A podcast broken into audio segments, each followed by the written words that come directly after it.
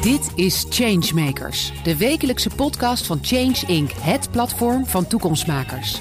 Iedere week gaat Paul van Liemt in gesprek met de helden van de toekomsteconomie. Krachtige leiders uit familiebedrijven, multinationals, MKB-bedrijven, start-ups en scale-ups. Die kleur bekennen, richting geven en tempo maken. Vernieuwers voor wie verandering geen agendapunt is, maar een business case. Want morgen wordt vandaag bedacht.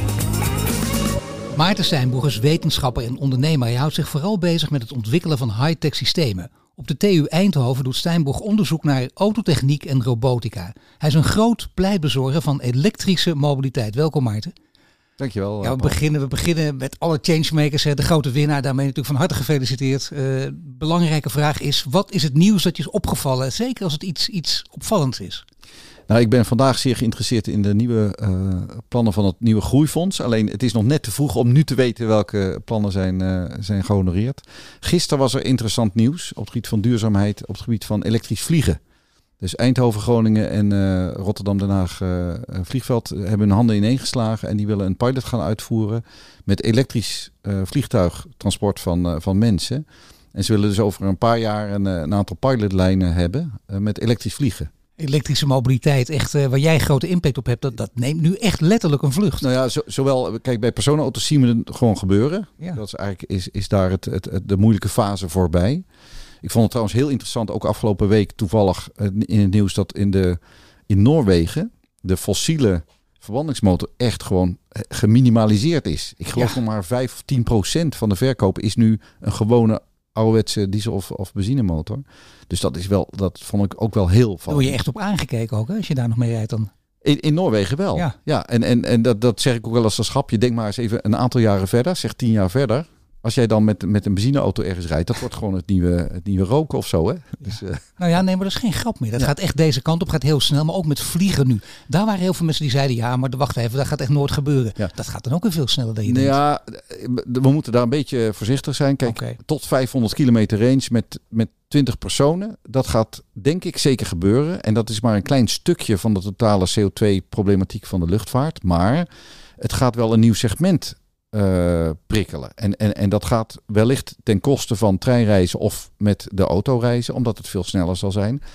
En dat is heel goed, want treinreizen over langere afstanden, dat heeft ook wel heel veel impact op het milieu vanwege de aanleg van alle infrastructuur. Ja, behalve als je dan in die treinindustrie werkt en zo. Maar ja, daar moeten we niet steeds naar kijken, want die mensen kunnen ook gaan omscholen, die moeten andere dingen, maar die moeten wel ook vooruitkijken daar. Ja, precies, dus al, er zijn in deze tijden van snelle veranderingen natuurlijk heel veel veranderingen ook qua banen en, en soorten banen. Ja, ik wilde pas op het eind van dit interview met jou over die snelle verandering beginnen. Maar laten we dat nu meteen maar doen. Want het gaat inderdaad echt razendsnel, extreem snel. Dat zeggen we steeds. En dan, dan vallen mensen op congressen bijna in slaap. Ze denken het zal wel. Maar er zijn natuurlijk talloze voorbeelden. Het is ook waar. Hè? Ja, nou ja, als we nu ons realiseren dat we bijna allemaal al een tv hebben met een internetaansluiting. Ja. En dat je bijna niet meer zo'n coax-kabel hebt. Ja. Uh, je smartphone kan zoveel meer. We hebben het afgelopen jaar natuurlijk allemaal over het algemeen heel veel zitten thuiswerken. Ja, dat was tien jaar geleden eigenlijk op zich wel mogelijk, maar, maar veel, met een veel lagere bandbreedte, dus veel meer problemen met internet. Dus het gaat uiteindelijk heel snel. En, en, en dat gaat soms onmerkbaar. Hè? Want de smartphone van nu, daar zijn we zo aan gewend dat we ons niet meer realiseren dat die, dat die allereerste telefoons, mobiele telefoons van tien jaar geleden, dat die echt zo, zoveel minder konden. Als, ja. als nu. En hetzelfde geldt voor onze pc's en, en uh, televisies. En... Nee, we zijn er totaal verslaafd aan geraakt. We kunnen niet meer zonder. Dat zijn weer de negatieve kanten. Aan de andere kant, ja, het biedt zoveel moois. Dat ja. het gewoon, maar dit gaat nog steeds gekker en sneller worden. En wij kunnen er blijven allemaal tegen. Want je hoort nu ook weinig mensen die toch zeggen, ik kan het niet meer aan. Ja, af en toe komt er een verhaal over verslaving. Dan denk je, zes uur per dag is wel erg ja, veel. Maar dat is het eigenlijk. Daar zit ook nog wel een puntje, denk ik, bij de ouderen uh, medemens, hè, die soms toch wel problemen heeft om met digitalisering om te gaan. Hè. Heel veel dingen die je met de gemeente moet regelen, moet je met je DigiD doen op je smartphone. Ja, voor sommige mensen is dat, is dat natuurlijk best een. Uh, nou ja, daar moet je denk ik wel rekening mee houden. Ja. Dat is een kleine groep, maar dat zie je natuurlijk altijd. Bij alle veranderingen. Het is alleen zo zonde dat daar dan weer niet aan gedacht wordt. Dat, ja. dat moet je ook doen. Iedereen meenemen in de maatschappij. Dat willen we ook. Ja. En het heeft allemaal te maken met die beroemde wet van Moore. Hè? Dus de, de verdubbeling elke 18 maanden van de rekenkracht van computers. En dat is eigenlijk al een, dus een beschrijving van feitelijk wat er gebeurt. Het is geen natuurwet. En mijn verwachting is dat dat tenminste nog 30 jaar doorgaat. Uh, en dat betekent dat we de komende 30 jaar nog steeds een verdubbeling zullen zien elke 18 maanden van rekenkracht. Mijn god, wat, wat, zeg je nou? Want Maarten, wij zijn, hoe oud ben je als ik vragen mag? Ik ben 60. Ik nou, moet je kijken. nou, dan ben ik nog een hele jonge man, want ik ben een jaar jonger. Maar dan gaan wij dus echt nog, uh, voor wij dood zijn, echt de gekste dingen meemaken. Ja, en, en 30 jaar is eigenlijk maar één generatie. Dus ik zeg vaak, van stel je voor dat onze kinderen onze leeftijd hebben. Dat, dat is één generatie. Die leven in een andere wereld met auto's die veel meer kunnen. Met robots uh, thuis, met, met computers waar je tegen praat. Dat zal standaard worden. Ja. Dan gaat het sneller dan je, dan je in je vorige leven hebt meegemaakt, zou ik bijna zeggen. Want uh, je zit nu in deze wereld. Je zat in de wereld van de windenergie, de windmolen. Ja, ik ben gepromoveerd op, op windenergie. ja, dat is inderdaad een generatie geleden. Ik was toen, uh, ik was toen ergens in de twintig. En dat was een ontzettend mooie tijd ook. We waren in Nederland toen echt vooroplopend met windenergie. En we hebben dat helaas een beetje laten, laten schieten toen, toen dat tijd. Ik heb meegeholpen aan de bouw van de eerste proefwindcentrale in Nederland. Was, eh, die werd gebouwd in Friesland. Uh, dat was, er waren nog turbines met een, een wiekdiameter van 30 meter, 300 kilowatt. En nu heb je molens met een wiekdiameter van, uh, van ik geloof 200 meter en 12 megawatt.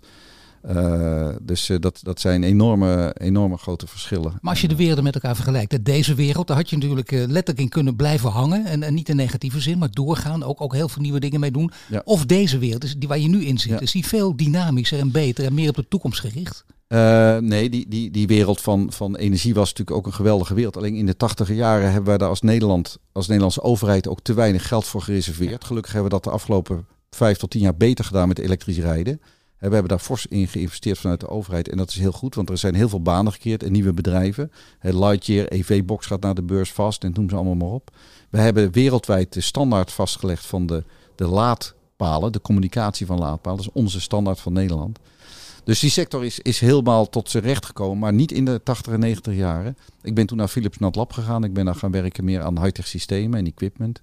Dat is prachtig, want dat is nu tot volle wasdom gekomen in uh, de regio Eindhoven met ASML en eigenlijk alle ex-Philips bedrijven. NXP is de wereldwijde nummer één van de chips in, uh, in de automotive. Nou, het valt ons ook op in deze Changemakers podcast ook steeds. Uh, heel veel mensen van de TU Eindhoven. Eindhoven staat nu groot op de kaart. Hè. Je hebt Mainport, Seaport en ja, dit is dan natuurlijk echt Brainport. En Brainport is niet zomaar meer een marketingfout. Het is echt groot aan het worden. Ja, en waar, het... waar komt dat die, die langdurige bescheidenheid vandaan? Toch, nou ja, toch, typisch Brabant? Ik denk dat het veel te maken heeft met de cultuur in Brabant. Hè. Doe maar gewoon, dat doe je al gek genoeg. Um, en een stukje zelfbewustzijn is, is ontstaan. Ik denk dat Rob van Gijssel enorm heeft geholpen ja, door zeker. ons op de kaart te zetten, onze regio. En ook we zijn toen de slimste regio ter, ter wereld gekozen. Het was geloof ik in 2011. Dus dat heeft een hoop goeds gebracht. En, en ook het dat... idee ook het Silicon Valley van, van Europa. Hè? Daar, daar werd ook een beetje lachig over gedaan, ja. met name in de Randstad. Maar nu is het alle wegen erkend dat het zo ja, is. Het interessante is dat die wet van Moore, die bepaalt eigenlijk de hele wereld. Hè? Want de technologie bepaalt gewoon de toekomst van de, van de mensheid, zeg maar. Op alle gebieden, energie, gezondheid, zorg, klimaat.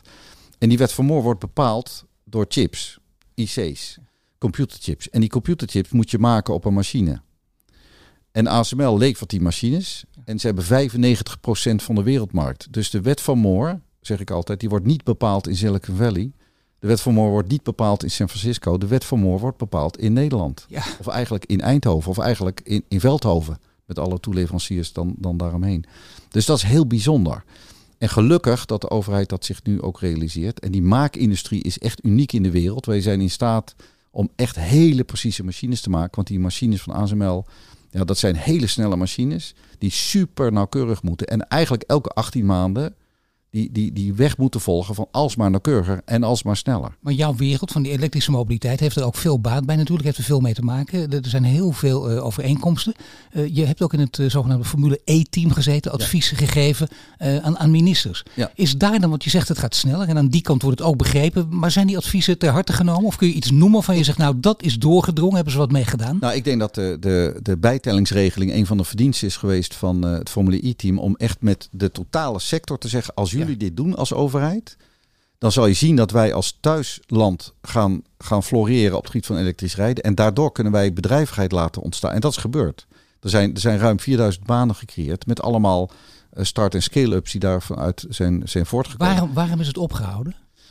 Uh, het Formule E-team bestaat nog steeds. Alleen ik ben eruit gegaan na acht jaar, omdat ik vond dat wel iemand anders het stokje eens een keertje kon overnemen. Ja. Bovendien voor mij, ik had ook het gevoel van, we hebben de belangrijkste stap uh, gezet nu. En, de, en, de, de, de, de bijtellingsregeling die wordt langzaam afgebouwd. En dat is ook goed, want die auto's worden alsmaar goedkoper. Dus er is nou een momentum dat het zichzelf wel redelijk in Maar het team is er nog, dat wil zeggen. Ministers doen ook serieus mee. Want er wordt heel vaak natuurlijk op ministeries niet goed geluisterd. Daar kennen we ook talloze voorbeelden van. Maar hier zou je toch een, een hoog cijfer aan geven. Ja, ik, ik vind dat Formule E-team, dat bestaat dus nog steeds. Het is een advies, dus ministers zitten niet in dat team. Hè, maar het is een adviesraad voor het ministerie van Verkeer en Waterstaat en EZK. Um, en het, is, het, het, blijft belangrijk om met de hele sector samen na te denken hoe komen we weer een stap verder. Bijvoorbeeld op het gebied van late infrastructuur moet natuurlijk toch nog wel een hoop gebeuren de komende tien jaar. En dan is het heel belangrijk dat je het samen eens bent, dat je gemeentes en provincie kan helpen met een roadshow om uit te leggen hoe je als gemeente kan omgaan met uh, vergunningsaanvragen, dat soort dingen. Dus dat is erg belangrijk. En nou, stel je vaak, nou stel je vaak vragen aan mensen die, die zo werkzaam zijn als jij over hun drijfveer. Dan denk ik vaak, is het eigenlijk wel nodig? En bij jou, in jouw geval, is het heel hard nodig. En die moeten er ook zijn. Dat is belangrijk, omdat je wel een hele brede, stevige speler bent. Enorme ambassadeur op het gebied. is geen woord aan gelogen. Een boek bijvoorbeeld, Vooruit, de toekomst van mobiliteit. Uh, hoogleraar, je, je leidt onderzoeksteams. Uh, je zit ook in het, ik moet even mijn blaadje pakken, want er staat een geweldig team wat ik niet fout mag zeggen. Dat is namelijk het NWO Neon onderzoeksrapport. 12 miljoen euro. Met een enorme inzet. Dat alles bij elkaar, weet je. Nou, dan moet iemand dus, dus ergens door gedreven zijn. Hè? Of je hebt heel veel goed te maken. Het jongetje dat alles goed moest maken, die, die, die jongetjes heb je ook. Het is heel belangrijk geweest, eh, in mijn geval in ieder geval, hoe ik ben opgevoed. Mijn ouders waren in de 70 jaar heel politiek actief. En hebben mij toch wel doordrongen van het feit dat wij allemaal een rol hebben te spelen om die wereld beter te maken. Uh, en dat milieuaspect is bij mij altijd vanaf het begin al een beetje met de paplepel ingegooid. PSP geloof ik, hè? Ja, die, die, die, die, beroemde foto. Die foto Onze leeftijd kent nog van die, ja, die blote vrouw. Precies, dat, uh, precies, ja, toen kon dat nog. Ja, ja. dus uh, dat heeft mij gevormd, denk ik. Dat was ook de reden dat ik voor windenergie koos. Want ik deed werktuigbouwkunde met als specialisatie regeltechniek. En in feite kan je dan alle kanten op. En ik vond het belangrijk om iets te doen wat, wat zinvol was voor de maatschappij. En toen ben ik dus met die windenergie begonnen.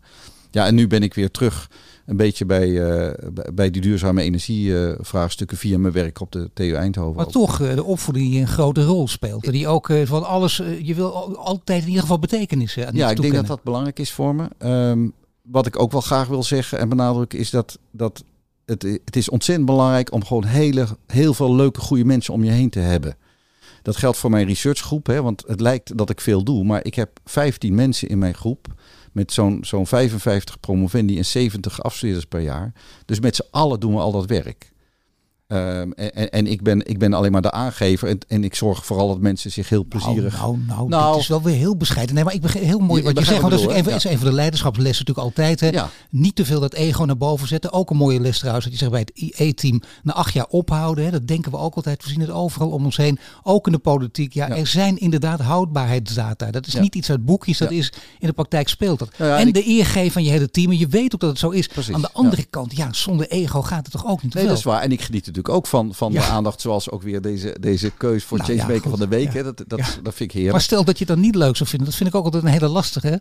Want eh, stel dat je geen ego wat is. En nou hebben we eigenlijk geen zin in. Maar vooruit het moet. Dat is voor mij en voor ons ja, maar dan, ook niet Maar dan reageer je niet enthousiast op een e-mailtje. nee. zou je willen inschrijven voor? Nee, Snap je? Dus dat, dat, dat, dat, dat, gaat vanzelf. Nee, maar kijk wat. Maar hoe hou je, mag ik even toch dat, dat modewoord gebruiken. Hoe hou je de balans? Want daar komt het natuurlijk toch wel op neer. Dat is voor ons allemaal natuurlijk. Vooral als je uh, intensief ergens mee bezig bent. En steeds grotere hoogte bereikt. Ja, de kern is dat je goede mensen om je heen verzamelt en dat je vertrouwen hebt in elkaar. het Neon-project noemde je even. Eigenlijk is dat helemaal geschreven en getrokken door Auke Hoekstra. Die, jou, die ken je wellicht ook wel, de man met de grote baarden. Weet je, ik heb, ik heb vooral Auke geholpen om dat te kunnen gaan schrijven. En, en hij heeft al zijn eigen energie gebruikt om het te schrijven. En ik heb natuurlijk wel meegelezen en ik heb het verdedigd bij MBO. En, en dat soort mensen om je heen verzamelen. Ik heb dat boek, dat boek vooruit uh, met de columns. Dat is samen met Carlo van der Weijer. Het is een genot om met Carlo elke week te debatteren over wat zullen we deze week weer eens insturen voor het Financieel Dagblad als column. Ja. Weet je, dat soort mensen om je heen en ook de, de mensen in mijn researchgroep, daarmee doe je het samen. En, en, en dat maakt, ja, en ik moet ook wel zeggen dat het een beetje afhangt van de fase in je leven. Ik ben nu, net als jij, dus 60 ongeveer. Toen ik 40 was en werd benoemd als hoogleraar, dan, dan heb je maar één focus en dat is je groep heel goed maken. Ja. Nou, als je 60 bent en die groep draait goed en je hebt allemaal goede medewerkers uh, om je heen en mensen die gewoon hun eigen carrière vorm kunnen geven, dan, dan, dan is het aangeven en zorgen dat die mensen lekker bezig kunnen blijven. En dat ze, dat ze in die propelling van zichzelf eh, daar hun waarde in vinden. En voor de rest, ja, dan, heb ik, dan is mijn agenda weer vrij. En dan kan ik weer nieuwe dingen doen. Zeker, Zoals maar hier- daar gelukkig wel. Gelukkig wel. Ja, maar daar de energie ook voor en dat ook willen. En, en, en dit, deze eh, boodschap die je ook hebt van de daken blijven schreeuwen, daar Ja. hard aan werken. Dat project, daar moet je toch wat meer over vertellen. Want 12 miljoen, een mooi bedrag. Ja. Er wordt naar de toekomst gekeken, maar wat is precies de Kijk, wat- inzet van het project? Ja, van het Neon-project. Kijk, wat er een, wat een beetje vaak aan de hand is, is dat de mensen in een beta-opleiding aan een technische universiteit, die zijn lekker met de techniek bezig. Maar we weten allemaal dat om bijvoorbeeld als voorbeeld elektrisch rijden echt door te laten breken, moeten we ook zorgen dat mensen psychisch zeg maar geholpen worden in, in hun denkstappen. Ja. Dus, dus en er moet aan wetgeving dingen gebeuren, bijvoorbeeld over die vergunningen. Multidisciplinair, eindelijk. De, de combinatie van alfa, beta, gamma, zoals we Ja. dat vaak Dus noemen. geen OMT, alleen maar bestaande uit hoogleraren met jouw achtergrond. Nee, precies. Niet alleen met Precies. technische mensen. Dus diversiteit is de kern. Ehm, en, en, en er was een NWO-call, dat een crossover heette dat, waarbij je dus verschillende domeinen, verschillende onderzoeksinstellingen bij elkaar weet te binden. Nou, dat hebben we geweldig gedaan. Dat heeft ook, ook met name heel goed gedaan in dat voorstel, in dat Nederland voorstel. En dat gaat dus over de energie- en mobiliteitstransitie, want in feite komen die twee bij elkaar. Met allemaal start-ups en bedrijven erbij en met, met verschillende onderzoeksinstellingen erbij. En, en alpha, beta, gamma dus als combinatie. dat, En dat, erg betekent dat je, maar natuurlijk, maar je hebt wel een bepaalde inzet. Eh, Je, je weet waar je naartoe wil en daar, daar word je natuurlijk eh, gelukkig, hoop ik ook. eh, Je wordt verrast onderweg, Ja. maar je weet al waar je naartoe wil, wat Nou je wil onderzoeken. De, de kern van wat we daar willen doen is, is modellen maken. Wij noemen dat agent-based models, waarbij ook mensen en de psychologie van mensen relevant kunnen gemaakt worden in dat model. Dus je kan een model maken van een batterijsysteem in een auto. Je kan een economisch model maken wanneer jij denkt dat die batterijen een bepaalde prijs zijn over zoveel jaar. Maar als je nou ook kan modelleren hoe vaak mensen een auto willen gebruiken, of of ze forensen zijn, of dat we denken dat die auto's autonoom worden of niet. Als je dat allemaal zou kunnen modelleren, dan kan je voor een wijk bijvoorbeeld in een stad voor de komende tien jaar uitrekenen hoeveel laadpalen je bijvoorbeeld nodig gaat hebben als functie van de jaren in de toekomst. Nou, dat is wel handig ja, om daar eens op te letten. Precies. En dat je weet dat er veel meer deelauto's komen. Dat Ja. je gewoon eh, hele slimme apps en zo nodig hebt. Ja. Dan kun je ook de stad er anders uit laten Ja. zien. Dat begrijp ik allemaal. Dus de, de maar, je hebt, je gebouwde hebt, ook- maar je hebt ook de mens nog zelf nodig. Hè? Dat, dat bedoel ik mee. Jij zegt ook vaak een hele mooie omschrijving. De auto, dat wordt een, eh, een iPad op wielen. Voortgedreven door eh, nou, transformatica en allerlei technologische systemen. Maar ja, waar is de rol van de mens? Wat doet de mens dan nog? Ja. Nou ja, ik, ik eh, kom wat terug op mijn, mijn stellingen van een paar jaar geleden. Dat ik dacht, die auto wordt helemaal autonoom. Dan ging het over de zelfrijdende auto. Ja, Daar heb precies. ik ook echt door jou in geloofd. Ja, ja, nee, nee, zeker. ik, ik kan mensen best goed overtuigen. ik denk dat het in, in, op de snelweg eh, best haalbaar is binnen vijf jaar. En waarom denk ik dat? Omdat de snelweg is een heel goed gedefinieerde omgeving. Ik neem altijd als voorbeeld onze voetbalrobots. Wij zijn nog steeds wereldkampioen met onze voetbalrobots van ons team in Eindhoven. En waarom kan dat? Die zijn al namelijk al tien jaar al autonoom aan het voetballen op dat veld. Ja. En dat is best heel moeilijk hoor. Vijf tegen vijf. Je weet niet wat het andere team heeft geprogrammeerd. Dus, dus er kan van alles nog wat gebeuren. Maar dat veld is heel goed gedefinieerd. Je weet dat hoe de lijntjes, dat die rechthoekig zijn eh, enzovoort. Hè. Dus, dus dat, dat is een heel mooi gedefinieerde. Er loopt niet iemand ineens naakt over het veld. Nee. Over het algemeen bij Nee. die spelletjes. Die vrouw van die poster van jouw ouders. Dat, nee, dat kan nou ja, of, Nee. of een normaal voetbalveld. ja, op. Nee, Dus- zeker. maar op een, op een, op de binnen, in de binnensteden van de, van de, in, de, in de binnenstad, waar heel veel ja, verkeer is van allerlei soort. Ja, dat wordt wel heel ingewikkeld voor een auto om dat allemaal te begrijpen. En ik, ik zeg niet dat het nooit zal gebeuren, maar ik denk toch dat het langer duurt naar de toekomst toe dan dat ik vijf jaar geleden dacht. En Nou, laten we zeggen, op de snelweg vind ik eh, behoorlijk snel. Als je zegt de zelfrijdende auto over vijf jaar op de snelweg. Ik begrijp je argumentatie ook. Ik ben weer geneigd toch je te geloven. Maar dat, dat andere verhaal, de, de echte zelfrijdende auto overal, zonder mens. Die zit daar willoos in bijna. Eh, in ieder geval machteloos, krachteloos. En Ja. dat, dat duurt nog veel langer. Ik denk het wel, tenzij je goed gedefinieerde omgevingen hebt. Zoals al, al standaard is bij vliegvelden, dat je van de parkeerplaats naar de terminal kan gaan in een zelfrijdend dingetje. Maar die rijdt dan niet harder dan 25 km per uur. Bij ons in Helmond rijdt er een proef van station Brandenvoort naar de Automotive Campus. Met ook zo'n autonoom karretje. En die rijdt dan orde grootte 20 km per uur. Kijk, die toepassingen, daar geloof ik in. Goed, en die andere, dat is toch een jaar of 20, 30 wachten. Maken wij het nog mee? Nog net. Ehm, ik denk het wel. Een beetje gezond leven. ik, ik, ik hoop het wel, hè, als we een beetje gezond leven. maar je had net over Helmond. Hè? Dan heb je Ja. toch ook de Lightyear. Dat is helemaal iets. Hè? Ja, het, het was, Hoefsloot. Het was heel leuk, want Lex heeft in ons boek vooruit ook een, eh, voorwoord geschreven. En ik reed hier naartoe in mijn... Zat in mijn een mooie plakker ook voorop. hè, voor, En ik reed hier naartoe en toen haalde, werd ik ineens met mijn Tesla ingehaald door een witte Tesla die mij inhaalde. En er stond Lightyear op. En toen ging mijn telefoon na twee minuten en dat was Lex. En Lex zat in die auto, was op weg naar Utrecht. Dus we hebben even leuk gepraat. Ja, Lex en Lightyear.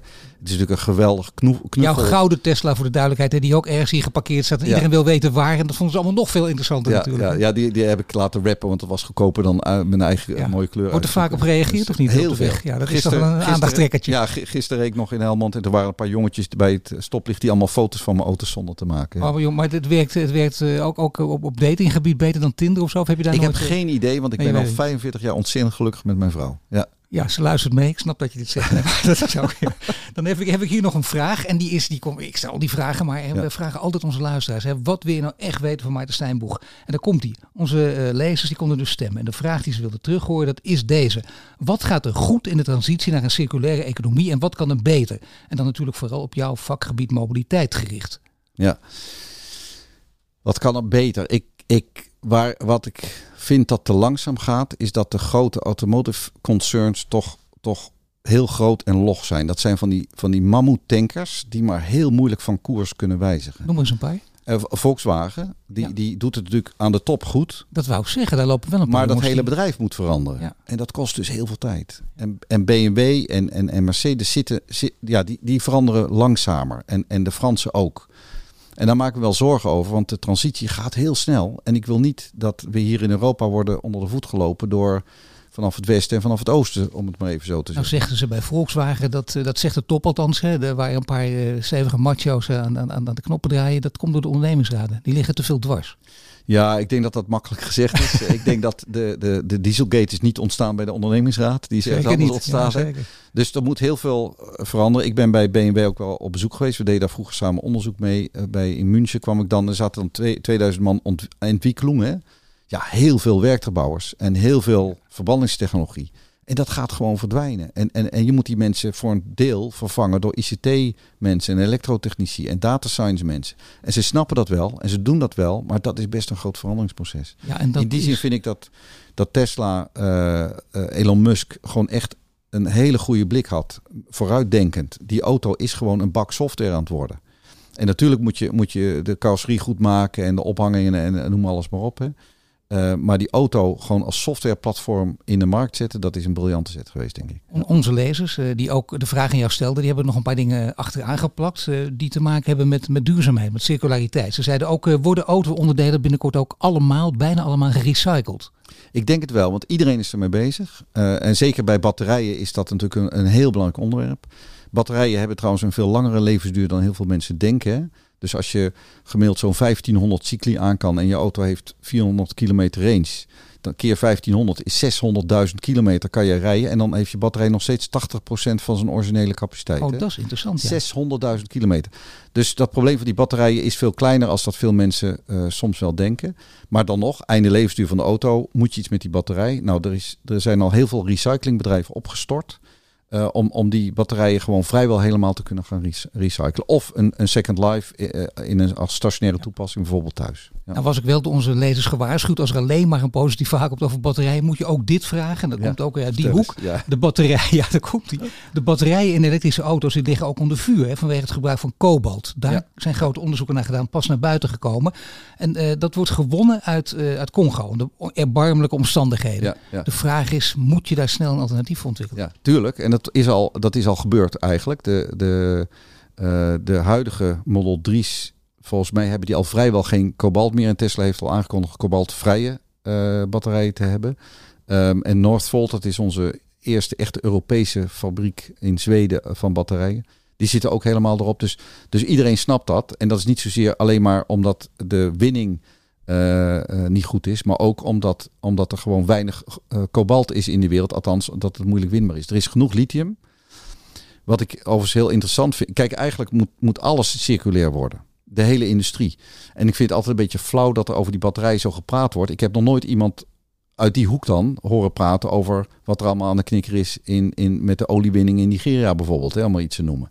Of we hebben allemaal in onze telefoons en onze laptops ook batterijen met kobalt uit Congo. En daar heb ik nog nooit iemand over, iets over Nou, horen. het eerlijkste verhalen zei ik dat er geen, niet één bedrijf in, in, in Nederland of in de wereld is dat duurzaam is. Dat kan ook niet natuurlijk. Je kunt het niet 100% zijn. Dat is En- onmogelijk. En, we moeten dat wel worden. Ja, maar is, is, dat, is dat, dat is toch wel een interessante vraag. Ook hier weer. Hè? Ik bedoel, kijk, dit soort arbeidsomstandigheden, dat kan niet. Daar moet je wat aan doen. Dat geldt op al die Ja, gebieden die we nu benoemen, alles. die jij benoemt. Ja. Dat is logisch. Ik denk dat, dat daar snel overeenstemming over komt. Maar eh, wat belangrijk is, is natuurlijk, eh, moeten we naar die 100% streven? Moeten we voortdurend die perfectie nastreven?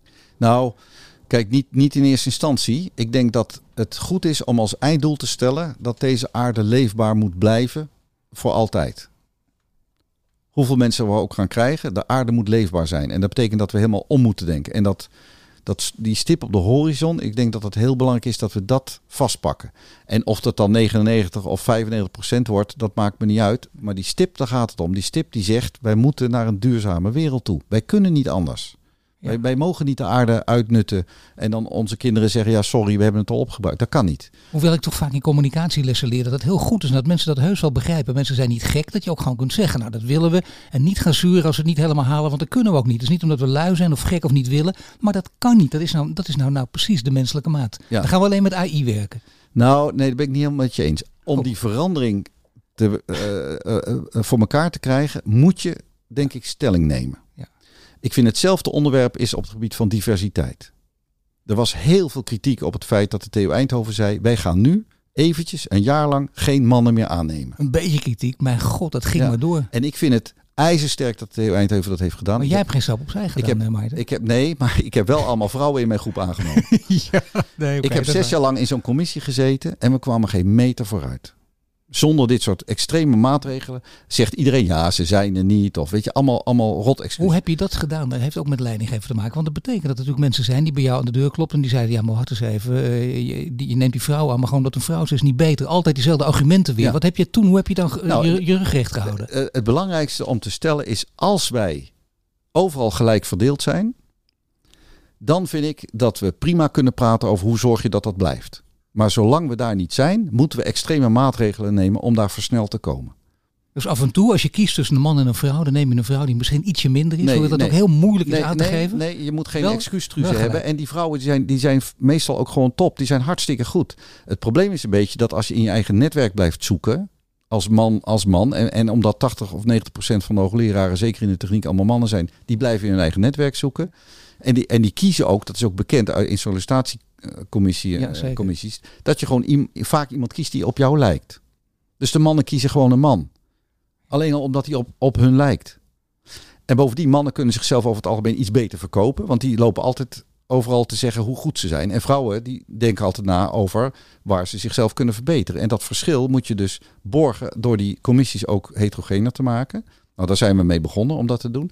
En vervolgens, als je gedwongen wordt om echt goede vrouwen te zoeken, dan zoek je ze ook. En dan vind je ze ook. En dan vind je, nee, dat is een heel sterk voorbeeld. Ja. Ja. Ik heb ooit een radioprogramma gehad met één hoofdpersoon. Hadden we een eh, redacteur, die vrouw, die, of een eindredacteur, die vrouw, een vrouwelijke eindredacteur. Ja. Die zei niks, maar die zette steeds als hoofdpersoon 15 weken achter elkaar een vrouw. Niemand is het opgevallen. Ja. Toen zei ze na 15 weken zie je wel. En dat werkt dus en dat inderdaad. werkt, dat werkt zo. Maar dan heb je dus wel iemand nodig die zo denkt, zo durft te denken. Heb je daar intern wel eens kritiek op gekregen of niet? Nee, en, en, en, en deze, deze regeling die kwam van ons college van bestuur, van onze huidige rector en voorzitter. En ik, ik was daar heel erg mee eens. En, en natuurlijk kreeg de TU Eindhoven heel veel eh, commentaar. Eh, maar, maar nogmaals, als het niet gelijk is, maar je wil het gelijk maken, dan moet je extreem zijn. En dat geldt dus ook voor duurzaamheid en circulariteit. Laten we maar eisen dat het 100% moet zijn. Want daarmee dwingen we onszelf overal over na te denken. Ja, en dan kun je altijd later nog zeggen, natuurlijk kunnen we dat niet halen. Dat snappen we ook. Maar je moet inderdaad zo hard mogelijk Ja, inzetten. Oké, dus weer Ja. een wijze les. Dan even jouw overgrootvader. Wat zou die van jou vinden? Als ik hem goed uitspreek, Georg. Georg? Ja, George, zeiden wij. Oh, in de- toch, in George, de- hè, George eh, Frederik George Frederik Steinboeg. Ja. Hè, die had een boek over automobiel en de verbrandingsmotor. Ja, ja, Doe 100 een beetje denken aan Knor en de Beesten van Bordewijk. Boeken van lang geleden. Die periode. Dat jij uitgerekend, hè? De overgrootvader deed dit en jij dit. En je maakt dit boek. Alles wat jij doet. Hoe had hij nou naar jou gekeken? Ja, ik denk dat hij... eh, hij was natuurlijk enorm eh, technisch goed onderlegd. En in die tijd was de, de, de elektrische auto... die was er al hè, 100 jaar geleden. Eh, maar die had gewoon heel, heel laag bereik. Eh, eigenlijk is die elektrische auto er gekomen... omdat vrouwen graag wilden autorijden... maar die konden die verbrandingsmotor niet aanslingeren. Want je moest hem aanslingeren vroeger. Oh, Hè? toch. En toen kwam de, de startmotor, waardoor je niet meer mechanisch hoefde aan te slingeren. En toen waren die verbrandingsmotoren auto's dus ook geschikt voor vrouwen om te gebruiken. En daarmee is de elektrische auto verdwenen in, in, in het begin van de vorige eeuw. En mijn uh, overgrootvader heeft drie delen geschreven, de automobiel. En wat hij heel goed kon, was, was dingen heel erg gestructureerd opschrijven. En die boeken zijn dus tot in de 50 jaar gebruikt in de enige autotechniek uh, school die we toen hadden in Nederland, in Apeldoorn. Dat is, dat is eigenlijk later de hand geworden, Hogeschool Arnhem-Nijmegen in, uh, in Arnhem. En um, ja, ik, ik, ik zeg heel vaak bij mijn voordrachten van ja, ik, 100 jaar later zeg ik, ja, de, de verbrandingsmotor is voorbij. Terwijl mijn overgrootvader zei, de elektrische auto is voorbij. en dat is wel mooi. Ik denk dat hij trots zou zijn. Ja, dus niet zo'n Engels dus gezegde, never the twain shall meet. Dat kan nee. nog niet meer, maar dat is niet helemaal waar eigenlijk. En ik, ja, ik, ik bedoel, ik ben trots op hem. Ik, ik, ik gebruik ja, hem ook vaak in mijn, in mijn voordrachten. Mijn vader is ook uh, werktuigbouwer uh, geweest, net zoals ik. Uh, ben. Dus, dus dat zit wel ergens in de lijn van, van denken. Nou, dat heb ik bijna het antwoord op mijn, uh, ja, misschien wel hamvraag. Nee, dat is niet waar. Maar een vraag die, die toch wel intrigerend is, die heb ik namelijk van jouzelf. Uh, kijk, jij roept heel vaak, mijn impact op het elektrische rijden in Nederland is significant geweest. En dat is dus echt niet zomaar jezelf naar voren blazen, maar dat heb je waargemaakt. Dat blijkt ook in dit gesprek. Waarom ben jij, waarom, hoe kun je dit waarmaken? Als je dat in één of twee zinnen moet zeggen. Ja, ik zou het zelf trouwens liever niet zo hebben gezegd. Hè. Dat waren ah. jullie redactie, zei dat zo. ik heb het toch een beetje veranderd. Het is in de mond gelegd. Ik heb, nou, ik, nou, ik nou, heb nou. er samen met anderen. Nee, ik, er, zijn, er zijn meer mensen in Nederland geweest die tien jaar geleden zijn begonnen. Ja. En ik, ik, tien jaar geleden werd, kwam ik in dat Formule E-team. Ik deed onderzoek met mijn groep naar uh, aandrijftechniek van auto's. En ik zag in dat die dat die tijd zou gaan veranderen. En toen ben ik dus onder meer ben ik begonnen om uh, een nieuwe bachelor- en masteropleiding op te zetten in, aan de TU Eindhoven. Vanuit die systeemgedachte, de auto wordt een systeem. En toen kwam ik in dat Formule E-team als representant van de kennisinstellingen uh, te praten over elektrisch rijden. En ik reed nog steeds in een benzine Renault Kangoo. en uh, ik was eigenlijk ook helemaal niet autogek of zo. Nee. En toen heb ik besloten om die Tesla te kopen. En je kan je voorstellen hoe dat, hoe dat thuis toch even een discussiepuntje was. Die eerste Tesla was natuurlijk on, onbetaalbaar ja. duur. Uh, ik heb dat wel gedaan. En de vrouw waar je al heel lang mee bent. Dat ja, was even, even toch een breekpuntje. Nou ja, het was toch even de discussie van, goh, is dat wel verstandig? Maar dat is een hele goede zet geweest. Want, want met die auto kon ik ook naar buiten trekken. Ik bedoel, jij wil niet weten hoeveel journalisten en, en, en ministers ik in die eerste Tesla Jawel, wil ik wel weten. Ja. Ik gok Balkenende. Nee, ik, ik heb, ja ook, nee, maar ja. ook uh, verschillende ministers van economische zaken. Ja, die, zaten die kwamen dan in Eindhoven kijken. En maar ook die journalisten van de NOS, die zaten met zo'n hele grote dikke camera op de achterbank. De journalist zat dan naast me. En dan, en dan stonden we stil. En dan zei ik, ben je klaar? Ja, ja, ja, wij zijn klaar. En dan doe je dat stroompedaal naar beneden. En dan gaan die cameraman, die vloog dan helemaal naar achter. Geweldig. Dus ik heb heel veel plezier gehad. Maar dat is belangrijk geweest. En voor mij heeft het, heeft het vanaf, vanaf het moment dat ik die auto had, dat was 2013, toen snapte ik, dit wordt het. Want ik had, ik had 400 kilometer range. We zijn eigenlijk het jaar erop gelijk naar, naar Frankrijk uh, kunnen gaan met de auto. Ik heb daar veel over geblogd. En, en als je eenmaal elektrisch rijdt, wil je gewoon nooit meer terug. Want dat stinkende, trillende, schakelende ding, dat is gewoon niks. En als je elektrisch rijdt, dat is zo heerlijk. Het is zo ontspannen. Ja, en, en toen ik dus eenmaal die auto had, dacht ik, dit, dit is de toekomst. Nou, daarom is die titel ook uh, treffend gekozen van jouw jouw nieuwste boek Vooruit. De toekomst van mobiliteit. Met inderdaad uh, Lex Hoefsloot een voorwoord. Nou, wie wil het boek niet lezen, Maarten? Ik dank je heel hartelijk voor dit gesprek. Je luistert naar een podcast van Change Inc. Mede mogelijk gemaakt door onze partner Ebbingen. Tot volgende week. Bedankt voor het luisteren naar de Changemakers podcast. Een productie van Change Inc. gepresenteerd door Paul van Liemt. Wil je dat meer mensen geïnspireerd worden? Deel de podcast dan op sociale media. De Changemakers podcast is tot stand gekomen in samenwerking met onze partner Ebbingen. Ebbingen kent, verbindt en ontwikkelt de leiders van de toekomst. Wil je meer afleveringen luisteren? Abonneer je dan nu via je Spotify, Apple Podcast of je favoriete podcast-app en krijg een melding wanneer er een nieuwe aflevering online staat.